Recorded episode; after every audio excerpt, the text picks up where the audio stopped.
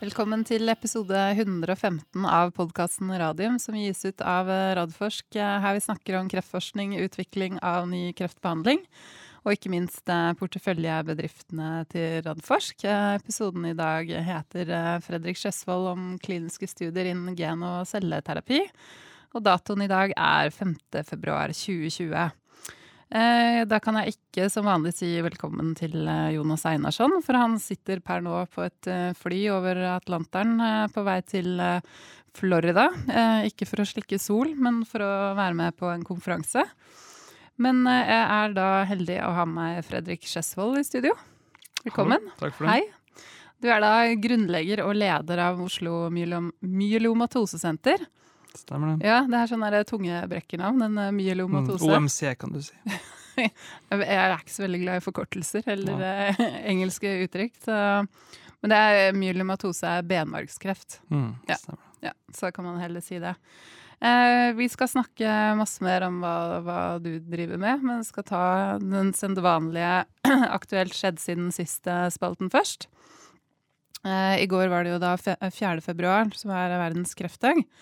Eh, og da hadde Radforsk et eh, innlegg i kampen mot eh, kreft. Bilag som ble sendt ut via Dagbladet over hele Norge, samtidig som det ble lagt ut en sak på nettet der vi skriver at vi ønsker å utvide Oslo Cancer Cluster innovasjonspark neste 57 årene. Så hvis du vil lese mer om den saken, så ligger den på sosiale medier og på nettsiden vår.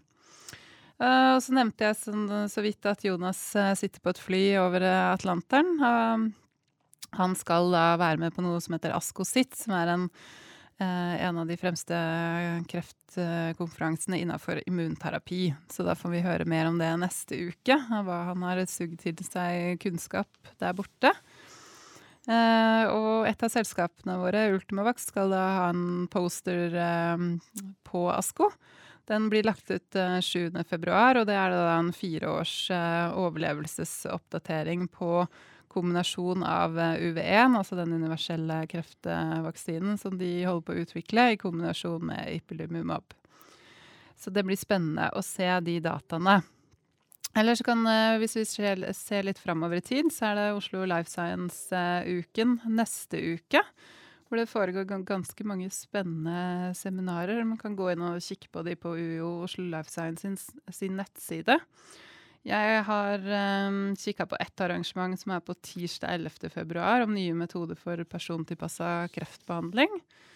Og så tror jeg både du og Jonas dere skal vel være med på Partnership for Life, som er på onsdag hva blir det? Onsdag 12.? Onsdag om uke. Ja. Det er riktig. Mm. Hva skal du prate om? Kliniske studier? Nei, det er en debatt om, om, hva som skal til for å få, få flere kliniske studier til Norge. Ja. Mm. Mm. Det så ut som å være et veldig fint uh, program, i hvert fall.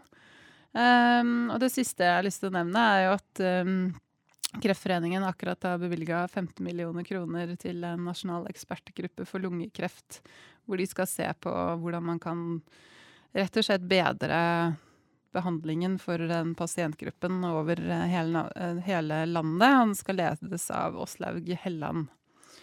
Men eh, da må vi snakke om myelomatose, Fredrik. Du har vært med i podkasten før, snakka om kliniske studier. Du var med under Arendalsuka.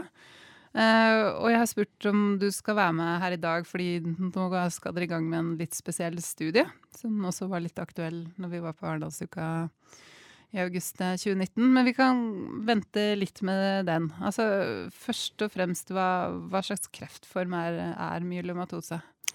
Ja, eh, Benmargskreft ligger jo litt i ordet. Bor, eh, disse, denne kreftformen bor i utgangspunktet i benmargen. Dette er immunceller, de cellene som lager antistoffer, eller immunglobuliner, gammaglobuliner til vanlig.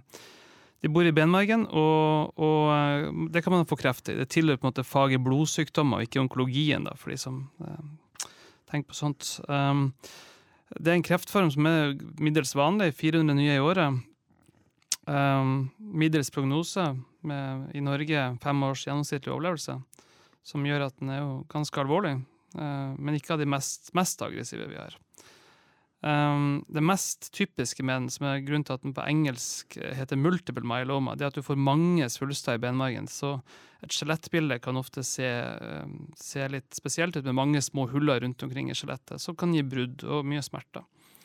Uh, så Det er på en måte det som er veldig typisk. Når du ser disse bildene, så tenker de fleste leger, spesielt røntgenleger, på denne sykdommen med en gang. Mm. Uh, andre typiske er at vi måler, uh, måler sykdomsmenn veldig godt i blod uh, med en sånn M-komponent som, som, skilles ut av disse cellene. Så vi har en veldig god tumormarkør, eller en, en, markør på mengde sykdom som vi kan følge tett fra, fra, fra måned til måned når vi behandler pasienten. Mm. Eller så kan man få nyresvikt, og man kan veldig vanlig å få lav blodprosent, altså benmargssvikt. Så man får rett og slett en ganske redusert livskvalitet, høres det ut som? Ganske kjapt, eller? Man, er den sånn sakte progredierende den, den, den eh, kommer i, i, i, mange former, som, som, de, som, mange sykdommer gjør. Det, det, kommer veldig aggressive sykdommer. Det mest aggressive kaller vi plasmacelleukemi, som er en veldig akutt sykdom der de fleste blir innlagt og er ordentlig, ordentlig dårlig. Mm til de som oppdager at man har et lite hull i skjelettet uten å ha hatt noen symptomer, og behandles allerede da. Mm. Så vi behandler folk tidligere nå i dag enn vi gjorde for noen år siden, og man ser at man får bedre langtidsoverlevelse og bedre livskvalitet av det. Mm. Så den, den, den, voldsomme måte, dominansen av skjelettsmerter og plager som, som prega sykdommen for 20 år siden, den ser vi ikke like mye. Litt fordi vi behandla tidligere, men også litt fordi vi har bedre skjelettbehandling. Så skjelettet blir hos mange eh, ikke noe spesielt mye dårligere gjennom sykdommen. Um, så det som dominerer nå, det er jo at det er jo at etter hvert som man ikke klarer å håndtere sykdommen, så er det på en måte benmargssvikten som til slutt er det som, som, som, eh, som um, ja, førte en ende på dette. Mm. Mm. Men er det ikke litt sånn også at man utvikler resistens mot den behandlingen man får, sånn at man er litt sånn avhengig av å få nye typer behandlinger etter hverandre også? Ja, på en måte kreft er jo sånn at uh, enten så kurerer du, eller så blir du resistent. Mm. Eller så blir sykdommen resistent. Hvis du gir et behandling uh, på en måte lenge nok, så vil de fleste kreftceller, eller så vil gjenlevende kreftceller til slutt utvikle resistens. Mm. Og ved myelomatose så er det veldig liten grad av kur. Uh, vi ser noen langtidsoverlevere som lever 20 år lenger med sykdommen og dør av noe annet. Uh, og hvorvidt vi bare hadde kontroll på sykdommen lenger, om de faktisk var kurert, er ikke noe, det blir mer sånn på en måte, filosofisk spørsmål å svare på. For vi, vi, vet ikke, vi kan ikke måle så små gjenværende sykdomsmengder. Det gjelder jo alle kreftsykdommer. Du kan være kurert av brystkreft, og så får du tilbakefall etter 15 år. Uh, og da var du jo aldri kurert, selv om man mm. kalte det det. Um, men når du ikke kan kurere, så vil, jo, så vil man til slutt få tilbakefall. Og, og, og og eh, celler de deler seg, de endrer seg, og, via det får du en tilpasning i evolusjon. Så, så, til slutt så får du en, en eh, celler som ikke lenger responderer på den behandlinga som du får. Mm. Det er jo hovedsakelig kontinuerlig behandling. så lenge man, Hvis man tolererer det greit, så blir man stående på behandling. Og til slutt, så man får tilbakefall, så må man videre på et nytt medikament. Mm. Og en vanlig lengde på dette er kanskje en, en, en par-tre år i førstelinjebehandling, og så blir det kortere og kortere for hver gang. Mm. Selv om mange pasienter kan ha både mye lengre og mye kortere på en måte, eh, behandlingseffekt enn en, en dette. Mm. Eh, og da er man avhengig av at du hele tida har noe nytt å, å ty til. Mm. Hva, hva, er på en måte førstelinjebehandling mot denne kreftformen? Eh, Førstelinjebehandling er en kombinasjon av, av uh, tre medikamenter uh, uh, i, i, noen måneders Eller i sykluser i noen måneder. Uh, så gjør man for de som er under 70 år og, og relativt sprek, så gir man en stamcelletransplantasjon. Vil si at man tar ut stamcellene til pasienten. For, og så gir man en veldig høy dose cellegift som tar livet av veldig mange av, av blod- og benmargcellene i kroppen. Og så gir man tilbake de stamcellene som da ikke fikk denne cellegiften som man har hatt i fryseren i mellomtida. Gir den tilbake. Mm. Så det gjør man én gang, og kanskje ved første tilbakefall. Eh, ikke hos alle. Eh, men så gjør man ikke det mer. Eh, og så, etter det, så skulle vi gjerne fortsatt behandling, for det vet vi gir flere års ekstra overlevelse. Men det per i dag har, har, får ikke vi lov til av Beslutningsforum pga. prisen. Ok, Så hva er det dere gjerne skulle gitt da? Det er en vedlikeholdsbehandling mm. uh, som heter Revlimid. Uh, som, som er veldig godt dokumentert, men som selvfølgelig koster penger, for man blir stående på den over tid. Ja. Uh, det, Hva slags type behandling er det? Det er en tablett. Ja. tablett som du tar, eh, som, som, som er ganske målretta mot denne typen celler. Mm. Mm. Skjønner. Ehm, men du har jo da startet dette som heter Oslo Myelomatosesenter. Uh, du startet det vel i 2014, hvis jeg husker riktig, Mm. eh, og har drevet det siden. Og dere er jo, satser jo veldig på, på kliniske studier, som dere da kan gi til de pasientene som da ikke på en måte har noe effekt av den eh, standardbehandlingen eller førstelinjebehandlingen, som du sier. Um, fortell litt om de kliniske studiene, hvorfor dere starta senteret. Vi starta senteret fordi vi så at, eh, at innenfor dette feltet var det en enorm aktivitet eh, eh, i verden. Veldig mange nye medikamenter, veldig mange nye studier med, med, med, veldig mye spennende effekter, responser og, og resultater. Og så var vi ikke helt med på det i, i Norge. Og så var jeg litt sånn between jobs, så jeg måtte, måtte finne ut hva jeg skulle gjøre. Og så så jeg at dette kunne være en, en bra nisje, og, og fordi pasientpopulasjonen i, i Helse Sør-Øst, eh, Stor-Oslo, er jo svær. Mm. Eh, Det er ikke mange sentre i Europa som har så mange som er knytta til ett eh, måte, regionsykehus. Eh, og og vi, vi har ressurser på det meste, og vi had, hadde også mye erfaring på myelomatose, men, men ikke på kliniske studier. Så da, Det var bakgrunnen for at vi starta dette. Det var rett og slett et stort potensial. Og, og også det at eh, du får eh, Det som er fordelen med å ha, ha kliniske studier, eh, det er jo mange, men eh, eh, en av de er at man blir synlig faglig i resten av verden. Sånn som nå så blir jo vi lagt merke til. Folk i, som alle som driver med myelomatose i, i, på det globalt nå, de, de vet jo hvem, hvem Oslo og Norge er, eh, av at vi har vært så mye med i studier. Så du, da, er, du, da blir du invitert på, på, på ting og til å holde foredrag og sitte sitt på, på møter som du før ikke var med på. Som gjør at man igjen Det blir en sånn god sirkel, så får du igjen være med på flere studier. Eh, og så får du på en måte Du blir på en måte med i miljøet på en helt annen måte. Det andre er at pasientene får jo en bedre behandling. Eh, det er jo ikke sånn at alle studier gir en bedre behandling, men alle studier har et, et, eh, et potensial for å gi en bedre behandling, og, og veldig mange ganger står det til. Mm. Så pasientene er veldig opptatt av dette og er veldig glad for at vi nå har et større tilbud på dette i, i Norge, selv om man skulle alltid ønske at det var mer. Det tredje er at vi sparer jo enorme summer for helsevesenet. Eh, Det er jo, og det var når vi virkelig skjønte det, at vi klarte å ekspandere veldig. Eh, Når vi skjønte at dette går faktisk i pluss, og vi sparer penger fra rutinebudsjettet. fordi mange av medikamentene vi gir gratis i studier, for de er stort sett gratis i studier, eh, de hadde vi måttet betalt for. Dette er også medikamenter som allerede er på markedet, men Mm. som kanskje i en kombinasjon brukes i en studie, eller i en kontrollarm i en randomisert studie. Sånn at vi sparer masse penger på det. Eh, og så er det jo eh, Ja, det var på en måte hovedgevinstene. Så tanken var å starte opp det. Og da eh, eh, starta vi på en måte litt i det små. eh, og prøvde å få tak i alle studiene vi kunne. Eh, og det er jo ikke bare bare når man ikke har så god, sånn, eh, god track record på å ha vært med i industristudier. Eh, Så, så da er de litt skeptiske til dette nye senteret. Men så bygd litt stein på stein, og etter hvert eh, fått blitt relativt populær også blant, eh, blant oppdragsstudiene. Eh, vi hadde noen i starten akademiske studier som, som også hjalp oss til å demonstrere at vi rekrutterte på et annet nivå enn før. Mm. For det som er helt essensielt øh, hvis du skal ha kliniske studier, eller hvis du skal tiltrekke deg kliniske studier, det er at hvis du først har fått en, og man får alltid noen, selv hvor upopulær, eller hvor, hvor, hvor på en måte lite, Lite kjent. lite kjent man er, så, så, så noen studier dropper det alt, for det, er- det, er, det ganske mange som vil ha ut studiene sine. Eh, eh, og hvis du, da, hvis du da ikke rekrutterer, da har du på en måte Da, da, da, da slår du foten under ditt eget prosjekt. Da. Mm. Så det er ekstremt viktig å, å rekruttere over, så overhodet så mye som mulig når man først har studiet. For da kan du En ting er at det firmaet blir, blir jo fornøyd, selvfølgelig. En annen ting er at da kan du vise det til, til, til uh, måtte andre firma. Denne studien som ligner, så hadde vi inn så mange pasienter. Det får vi helt sikkert til her også. Uh, at, og da blir du med på publikasjoner, så, og det følger de som er på hvem er det som er med der, for det er de som rekrutterer mye. Um, så alt det her handler om måte, å benytte enhver sjanse til å, til å vise seg fram. Da.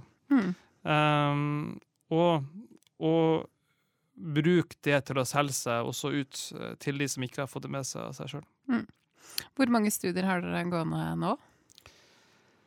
Vi har um, mellom 10 og 15 studier der vi har pasienter som fortsatt går i behandling, men som der studiene har slutta å inkludere. Inklusjonsperioden er jo en relativt kort periode av en Mm. studies levetid. Uh, og så har vi en syv-åtte studier som er uh, åpen nå, inkludert pasienter nå. Vi har hatt tre oppstartsmøter på to uker nå. Eh, og så har vi en 10-15 studier på, eh, som er på gang da, i forskjellige faser av eh, oppstart for Ja. forberedelser. Nettopp. Så vi har, eh, så vi har på en måte bra med, med aktivitet. Eh, Vi, hadde, vi har hatt en, en økning hvert år i mange, hvor mange vi har inkludert i kliniske studier. Så i fjor så inkluderte vi 120 pasienter i kliniske studier Mm. med myelomatose. Mm. Mm. Um, og som jeg skjønner, så er dere vel det største senteret i Norden innenfor dette, altså denne kreftformen? Ja, man må jo finne en måte å måle på som er bra. Og hvis du måler på antall pasienter i kliniske studier, så er det ikke noe tvil. Mm. Så vi nærmer oss dobbelt så stor som Stockholm, som er nummer to. Eh, men du kan si forskning er jo mer enn kliniske studier. Mm. Og det, det- man kan jo tegne større bilde av, av Det er mange som driver med matoseforskning. Men akkurat på dette med kliniske studier så er vi i en helt klar lederposisjon. Mm. Men da må vi snakke litt om den eh, studien eh, som dere skal i gang med, eller så vidt er i gang med nå, som eh, er, er på en eh, CAR-T, så vidt jeg skjønner, altså på vegne av et, eh, et selskap som heter eh, Celgene. Um, hva er det som er så spesielt med den, med den studien? Um, du kan si det er jo den, eh, den første immunterapien som virkelig slo til for myelomatose. Eh, når, eh, for noen år siden så kom jo dette med sjekkpunkthemmere, som, som jo endra helt, helt dette feltet med immunterapi. Det var første gang det, det ble noe suksess i immunterapi, selv om man har prøvd det i 100 år. Mm. Mens på myelomatose funka ikke det. Vi var jo med på to sånne som ble stoppa fordi det var faktisk verre med immunterapi enn å ikke ha immunterapi på sjekkpunkt, sjekkpunkthemmere. Eh, og det er litt mer komplisert når du skal behandle et immunsystem med, med immunterapi, eh, Mm. spesielt de, de sjekkpunkthemmerne. Så kom CAR-T-cellestudiene. De hadde også kommet før det på leukemi, veldig god effekt, også på lymfom. Um, og så kom det noen tidlige data på myelomatose som så helt fantastisk ut. Um, litt sånn som det var når, når sjekkpunkthemmerne kom på melanom osv. Mm. Um, det i seg sjøl gjør det jo veldig attraktivt å være med. Det som gjorde det ytterligere attraktivt, det er at i motsetning til et, et medikament du kan kjøpe i, på apoteket, eh, så er dette et veldig stort apparat. Eh, når du skal ha en CAR-T-celle, så er jo det pasientens egne celler. Så først må de ut av pasienten. Så må de sendes til USA. De må manipuleres i en lab i en måneds tid. Eh, eller i hvert fall en måned til den kommer tilbake til oss. Så må de injiseres til oss, og da har du eh, Injiseres i pasienten hos oss.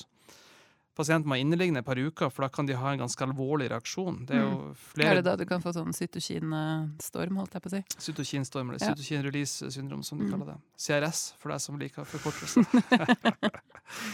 uh, og det er ganske alvorlig, potensielt. Uh, det er pasienter som, det er både flere pasienter som har dødd av dette med, med flere forskjellige diagnoser, så det er noe som tas veldig alvorlig. Mm.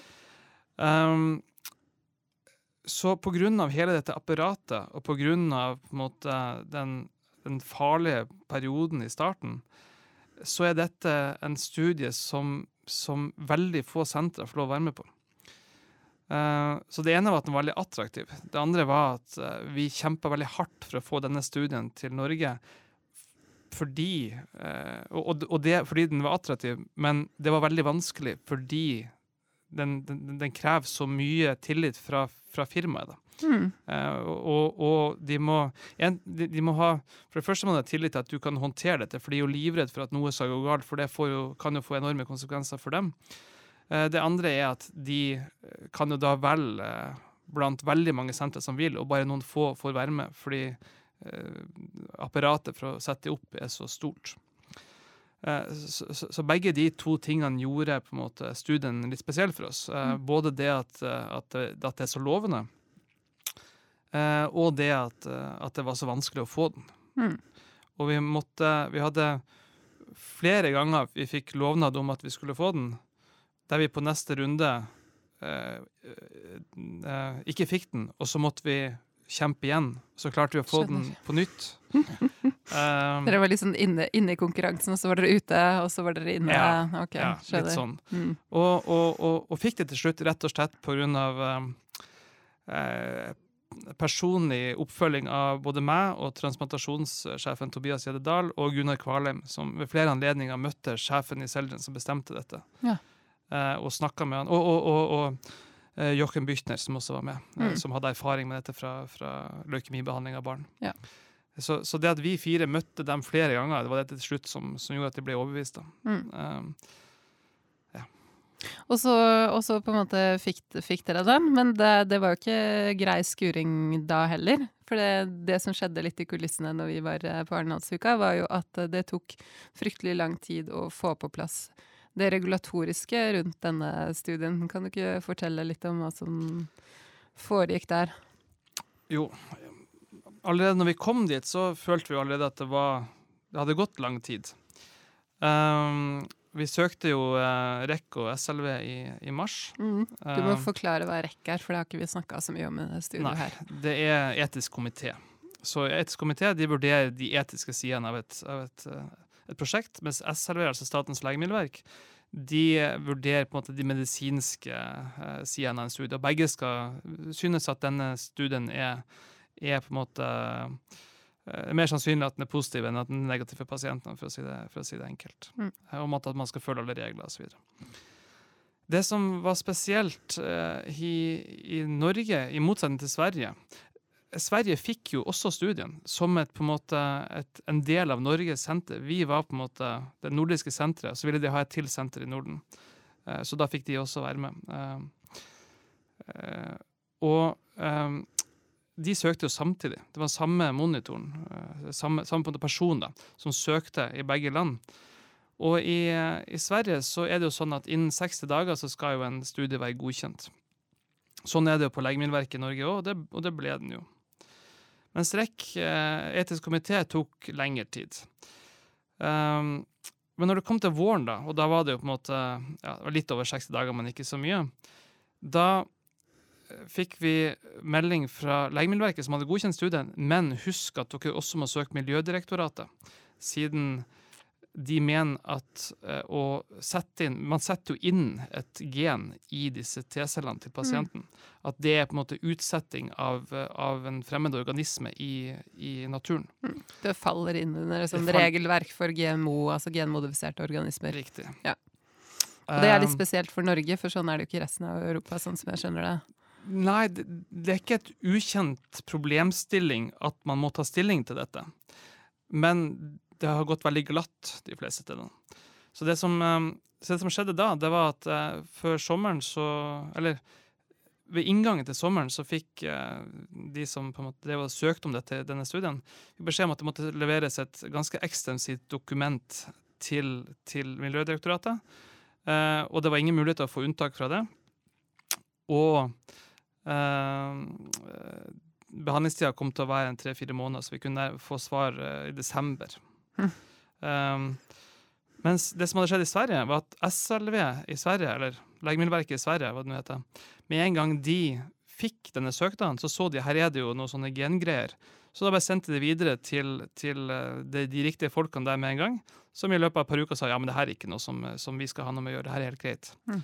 Mens her i Norge så gikk det først tre måneder før vi fikk beskjed om å søke dit, og så fikk beskjed om at det skulle ta fire måneder til. Ja. Så dette dukka opp eh, under Arendalsuka, for da, da eh, kom fikk, fikk til slutt alle berørte parter informasjon om at dette var stova, at nå eh, måtte vi vente til desember. Da. Eh, Sigrid Bratli i Bioteknologirådet da eh, var engasjerte seg veldig i denne saken. eh, eh, fordi de har jobba med å få, få bukt med disse reglene, som egentlig ikke er noe galt med. De er bare lagd for en tid der disse terapiene ikke, ikke fantes, mm. så de passer liksom ikke. Mm. Um, så var det eh, lite å få gjort med dette. Men så skrev jeg en kronikk i avisa, og så skrev Bioteknologirådet en kronikk. Uh, og den dagen kronikken var i avisa, fikk vi beskjed på forhånd egentlig at de hadde snudd. De hadde ombestemt seg. Ja. Så da ordna det seg, da. Mm. Men uh, vi var ikke helt ferdig med det regulatoriske, fordi vi fikk ikke endelig svar fra etisk komité før i november. Uh, og det er altså den prosessen som i våre naboland tar et par måneder, tok jo da fra mars til november. Ja. Fikk dere noe begrunnelse for hvorfor det hadde tatt så lang tid? Nei, altså, det var en prosess med, med mye frem og tilbake. Um, men, men det som er litt kjedelig med etisk komité sånn som fungerer i Norge, det er at de har en to-tre måneders sommerferie der det ikke skjer noe. Ja. Eh, og, og det er jo kjedelig når det kommer på en måte i, i en sånn, eh, sånn situasjon. Og så, det, og så skal man jo si at det var en komplisert studie. Det var en del ting her som ikke var vanlig å ta stilling til. Mm. Siden behandlinga er såpass, såpass annerledes enn behandling vi er vant til Mm. så, så, så ville de ha en veldig tett oppfølging av hvis pasientene fikk ny kreft, så vil man gjerne ha en vevsprøve av det. De vil gjerne intervjue noen pasienter hvis det gikk dårlig, osv. Så, videre. så det var en del sånne ting som var, som var komplisert. Eh, men jeg tror jo ikke Jeg tror jo ikke det er åtte måneder med kompliserte diskusjoner. Det, det er det er nok seks måneder med ventetid, og så er det, så er det Det er ikke så effektivt, Nei, det er rett og slett. effektivt. Det er problemet. Det er ikke at ikke disse tingene er vanskelig. Det er bare at det meste av tida skjer det ingenting. Mm. Eh, og da, eh, da er jo det For hver måned som går, så er det jo pasienter som ikke får være med i studien. Ja. Eh, og, og denne Nå er det ikke Dette er jo en studie for tilbakefallspasienter. Så vi, eh, vi har ikke noe sånn stor tro på at det er mange som, som kureres, som blir eh, helt eh, kvitt sykdommen. Det tror vi ikke. Men det er en behandling som for disse pasientene er mye bedre enn alt annet vi har å gi. Mm. Eh, og så er den ganske enkel, da, for du gir én dose. Det er som, Bortsett fra at du må høste litt og sånn i forkant, så gir du en pose som ser ut som en pose blod, mer eller mindre. Og så er du ferdig. Mm. Det er ikke noe inn og ut på sykehuset og tabletter, og, og du må selvfølgelig ha oppfølging, da. Men, Mm. men, men, så det er noe helt annet. Og det er ikke noe, når du er ferdig med første perioden, så er det jo ikke noen bivirkninger, så vidt man kan se så langt. Mm. Um, så det er på en måte en, den beste effekten vi kan få på den enkleste måten pasienten kan ha det etter Mm. behandlinga. Og så er det gratis, da, siden det er en studie. Ja. Så det er jo på en måte kjedelig å gå glipp av pga. sånn ventetid. Ja. Og dere får jo da også eh, erfaring med, med å bruke CAR-T, altså med å bruke en, sånn type avansert genterapi. Det også er jo kjempeviktig, for dette Man har, ser vel nå egentlig bare starten av at dette her kan jo komme mye av uh, i framtida. Ja, og du kan si Litt av grunnen til at vi fikk denne studien, som jeg nevnte i stad med Gunnar Kvalheim og Joachim Büchner, og også Harald Holte, som hadde lymfomstudien, det var jo at vi hadde faktisk erfaring. Vi hadde den svære cellelaben som, som, um, som, som Gunnar Kvalheim har bygd over mange år, som Mm. har bra rykte. Vi hadde gjort dette før på mange, på, på, på mange pasienter og flere Ja. indikasjoner. Så det det er jo bakgrunnen for at vi fikk den Mm. eh, i det hele tatt. Eh, Det er også selvfølgelig. Uten det så hadde vi jo ikke hatt sjans. Mm. Um, og nå er det jo blitt Nå blir det større, det gjør det, som du sier. Eh, Vi har jo nå Den som faktisk er eh, hovedutprøve på denne studien, er jo Ingrid Abrahamsen. Mm. Ikke fordi at hun uh, driver med myelomatose, men fordi hun har ansvaret for CAR-T på Riksen. Mm. Det har blitt en såpass greie at vi må ha en person som, som håndterer dette, og håndterer det på mer eller mindre samme måte. De forskjellige, fordi opplegget er jo det samme. Mm. Det er bare hvilke, hvilke gen man putter inn i cellene, og hvilke pasienter det er som er forskjellen. Ellers er det jo mye av det samme. Mm. Så, så um, eh, man har lagd et opplegg for det, da, sånn at man skal være, være, være klar for at dette blir en økning i tida som kommer. Mm. Så får vi se om de gjør det, da. Ja. Fordi det er jo en tungvint behandling Ja. i forhold til mange andre ting. Mm. Til det er gitt. Ja, til det er gitt, Og så da. Ja, ikke sant. Ja, men det kommer jo liksom Det er vel heller det at det er liksom en ny måte å tenke medisin på. Mm. At du gjør så mye forberedelser i forkant, og så etterpå så er det mer oppfølging på en Mm. annen måte.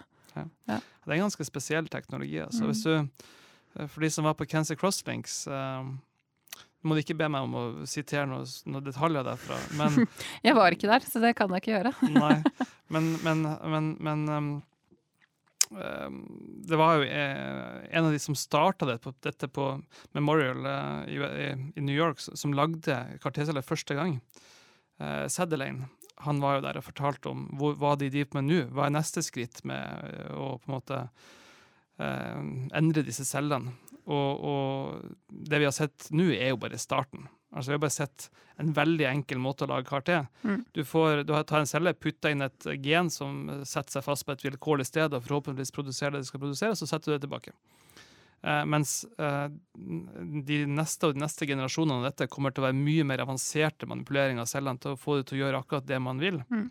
og kanskje angripe flere steder. Eh, og så dette, vi er bare helt i starten av noe som er veldig spennende. Mm. Og etter hvert så, så, blir jo en del av de tingene som nå er veldig tungvint uh, Ting blir jo ofte mer lettvint etter hvert, med det tekniske også. Mm. Um, det husker man jo med gensekvensering, hvor dyrt det var når man begynte først mm. med det, og hvor lang tid det tar, og nå er det liksom sånn Det koster ikke så mye, og det går ganske kjapt, så mm. mm. Ja, det er riktig. Men uh, det er jo viktig å være med på. Um, jeg vet at neste uke så skal jo Selgin og dere på Oslo Myelomatosesenter ha et sånn uh, rundebordsmøte for å markere oppstarten av denne studien. Men også diskutere litt mer hvordan man kan tiltrekke seg studier til Norge og ha gode studier. Um, hva, hva, er det som er uh, utfordringene? Altså Antall studier i, kliniske studier i Norge går jo bare ned og ned og ned. Mm. Enda man nå har på trappene en handlingsplan for kliniske studier fra Helse- og omsorgsdepartementet som skal komme nå i 2020. Men, og man har jo mange gode kliniske miljøer, sånn som dere er et eksempel på. Men likevel så, så får man det ikke helt til. Hva, hva tenker du er liksom årsaken? Mm. Bare, det, det, det rundebordsmøtet jeg føler nesten det er mer i Vi bruker studien som anledning, mer enn at vi markerer studien. Eh, at vi bare bruker det som en passende anledning til å ha et møte om, om kliniske studier. Også ja. fordi denne studien Kanskje mer fordi denne studien på en måte viste fram så mange flaskehalser mm. eh, som, som, egentlig hva studien handler om. Eh, men hvordan skal vi få flere kliniske studier? Jeg har jo en del tanker om det.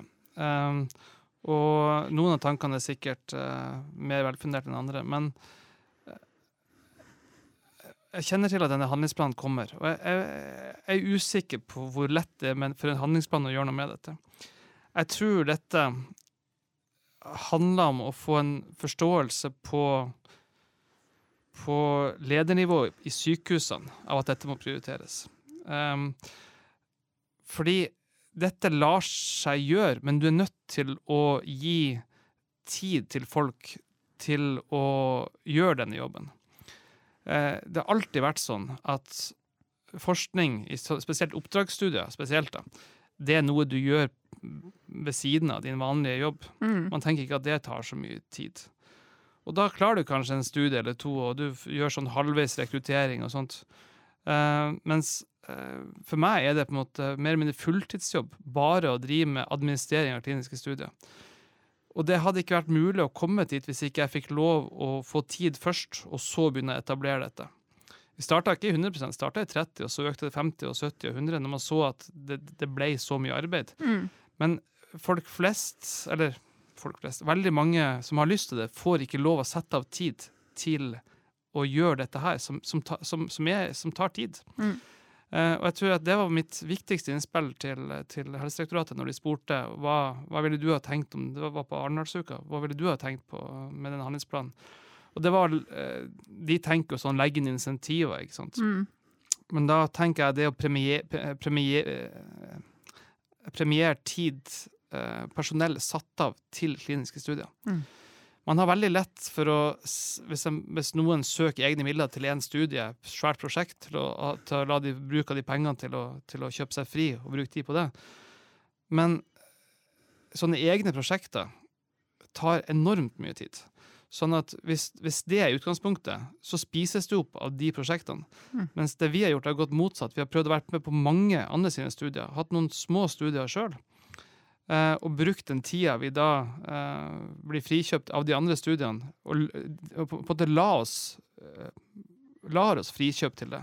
For mange andre steder så går bare de pengene som kommer inn, de går bare i det store sluket. Mm. De går i drift. Mens vi har fått lov å allokere de pengene vi tjener, til å ansette studiesykepleiere, til å frigjøre min tid. Um, så det å få tid er på en måte det er nummer én, tror jeg. Mm. Hvis du ikke får tid, så, så, så, så får du alle noe volum. Nå klarer du kanskje litt, men ikke så mye. Mm. Um, det andre er at uh, det hersker fortsatt en del steder uh, en sånn antipati mot, uh, mot industrien. Og kanskje ikke hos de personene som, som, som, skal ha kontakt med industrien, men i deres ledere. Og når leger ikke får lov å ha kontakt med industrien, så får man ikke oppdrag, oppdragsstudier.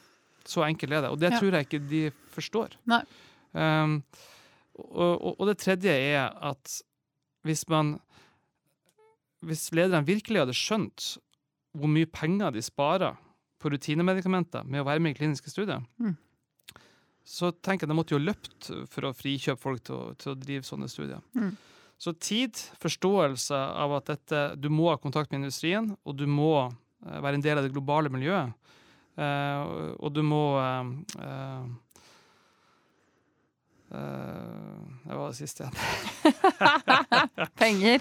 Ja. Man må se at det genererer man ser at det genererer penger. Ja. Du følger med? Det Ja. det. Ja.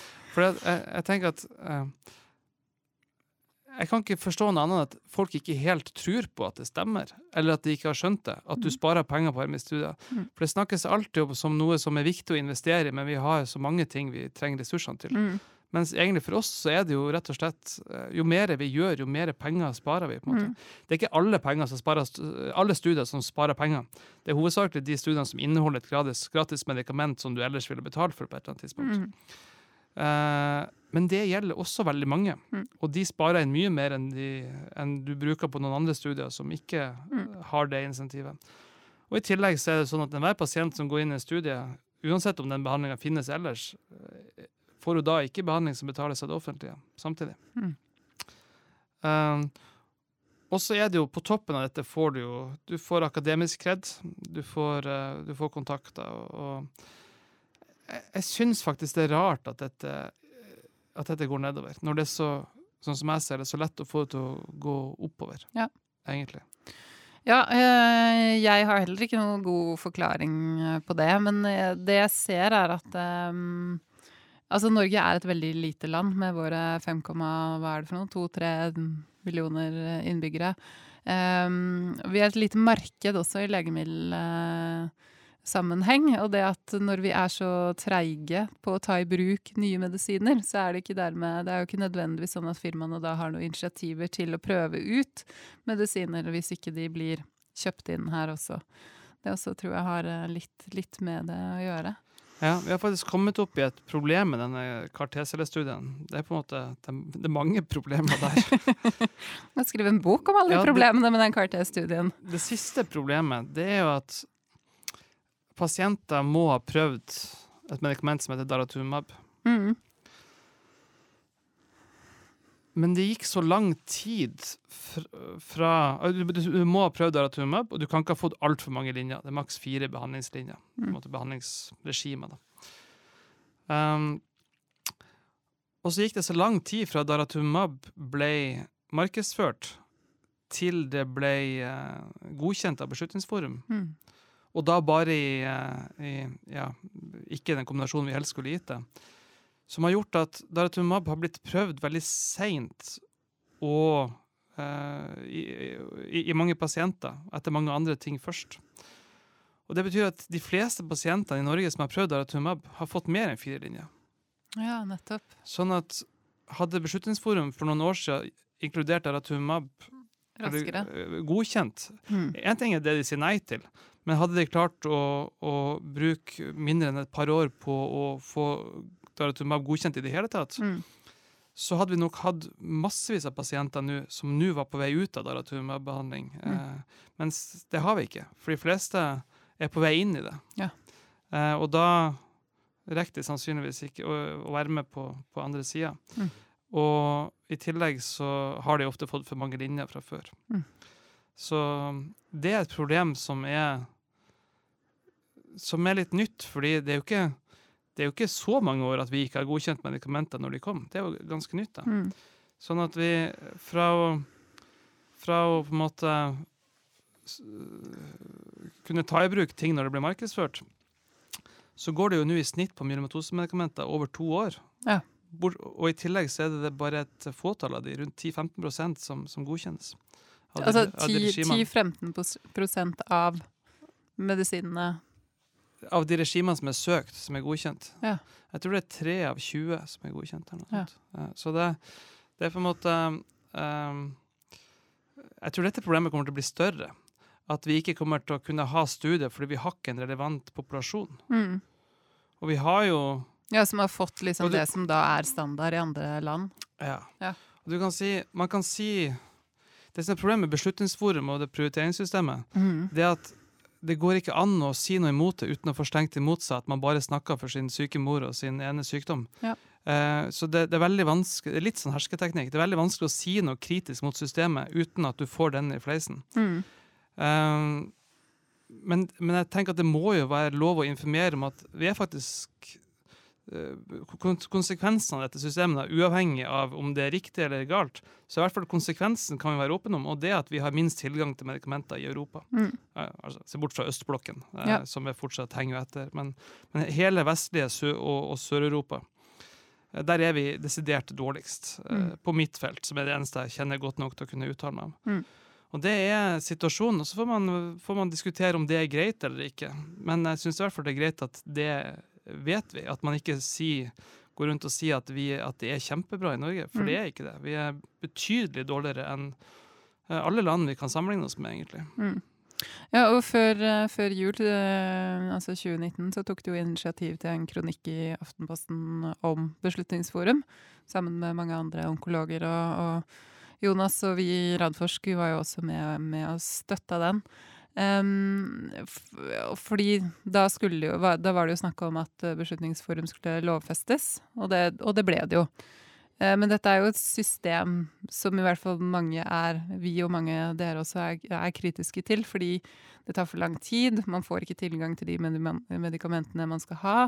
Uh, og så er det jo det med at det, de som bestemmer er jo de fire RHF-toppene som samtidig har det økonomiske ansvaret for, eh, for sykehusene, driftene, eller i, i helseforetakene.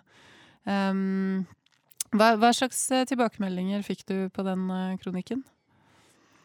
Uh, sånn offisielt så fikk jeg Bent Høie sitt svar en uke senere, som var litt skuffende, for han svarte jo ikke på noen av de problemstillingene vi tok fram. Han, han kom med noe egentlig feilaktige påstander om at tallene vi hadde kommet med, var feil. og det var ikke riktig. Men, men det var nå så. Tallene er ikke det nå så. Men, men, men han tok ikke Det vi først og fremst kritiserte, er jo er jo på en måte analysekvaliteten og systemet bak som vi tror det er mange problemer med.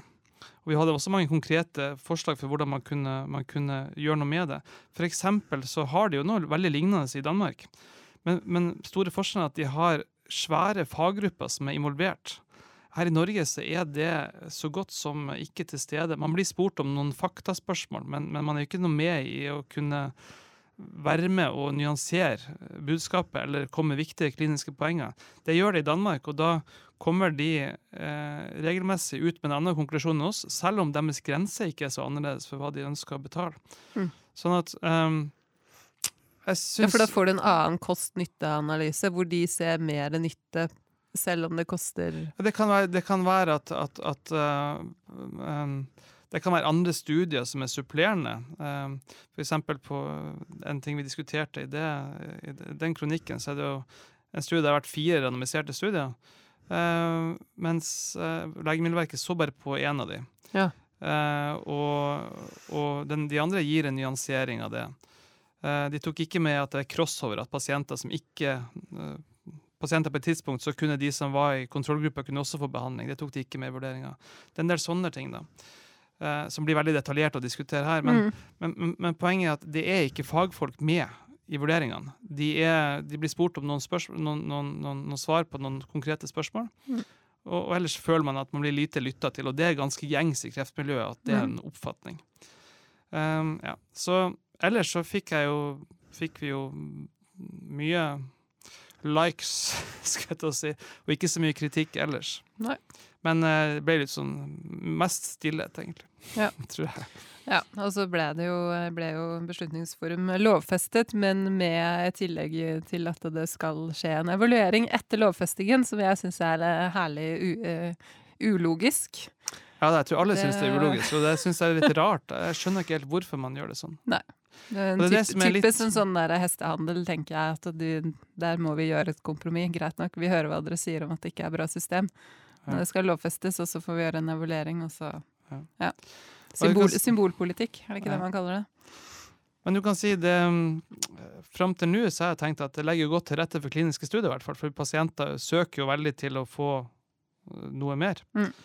Uh, men samtidig, så hvis, hvis, eh, hvis den begrensa tilgangen, sånn som vi nå ser på den studien vi har, mm. begynner å ødelegge for at vi Eller hindre at vi har den pasientpopulasjonen som trengs, så, så blir det jo mer problematisk igjen. Mm. Også fra den sida. Men uh, uansett, uh, godt å høre at dere er i gang med denne CAR-T-studien, til tross for at uh, det har vært mange, mange skjær i sjøen. Um, så blir det spennende å, å følge det videre. Um, man går inn i dette rommet, og så skravler man, og så har det gått en time. Sånn er det. Men uh, tusen takk for at du kom med i studio. Så er du Jeg kan jo bare si til slutt at vi har jo vi har i hvert fall inkludert den første pasienten i, i studien. Ja, så bra. Det har vi. Det er kjempebra. Eh, vi er forhåpentligvis tilbake neste uke. Nettopp pga. Oslo Life Science-uken så er det mye som skjer, og vi skal prøve å få en podkast oppi det. Men eh, vi, vi satser på at det ordner seg. Takk for i dag.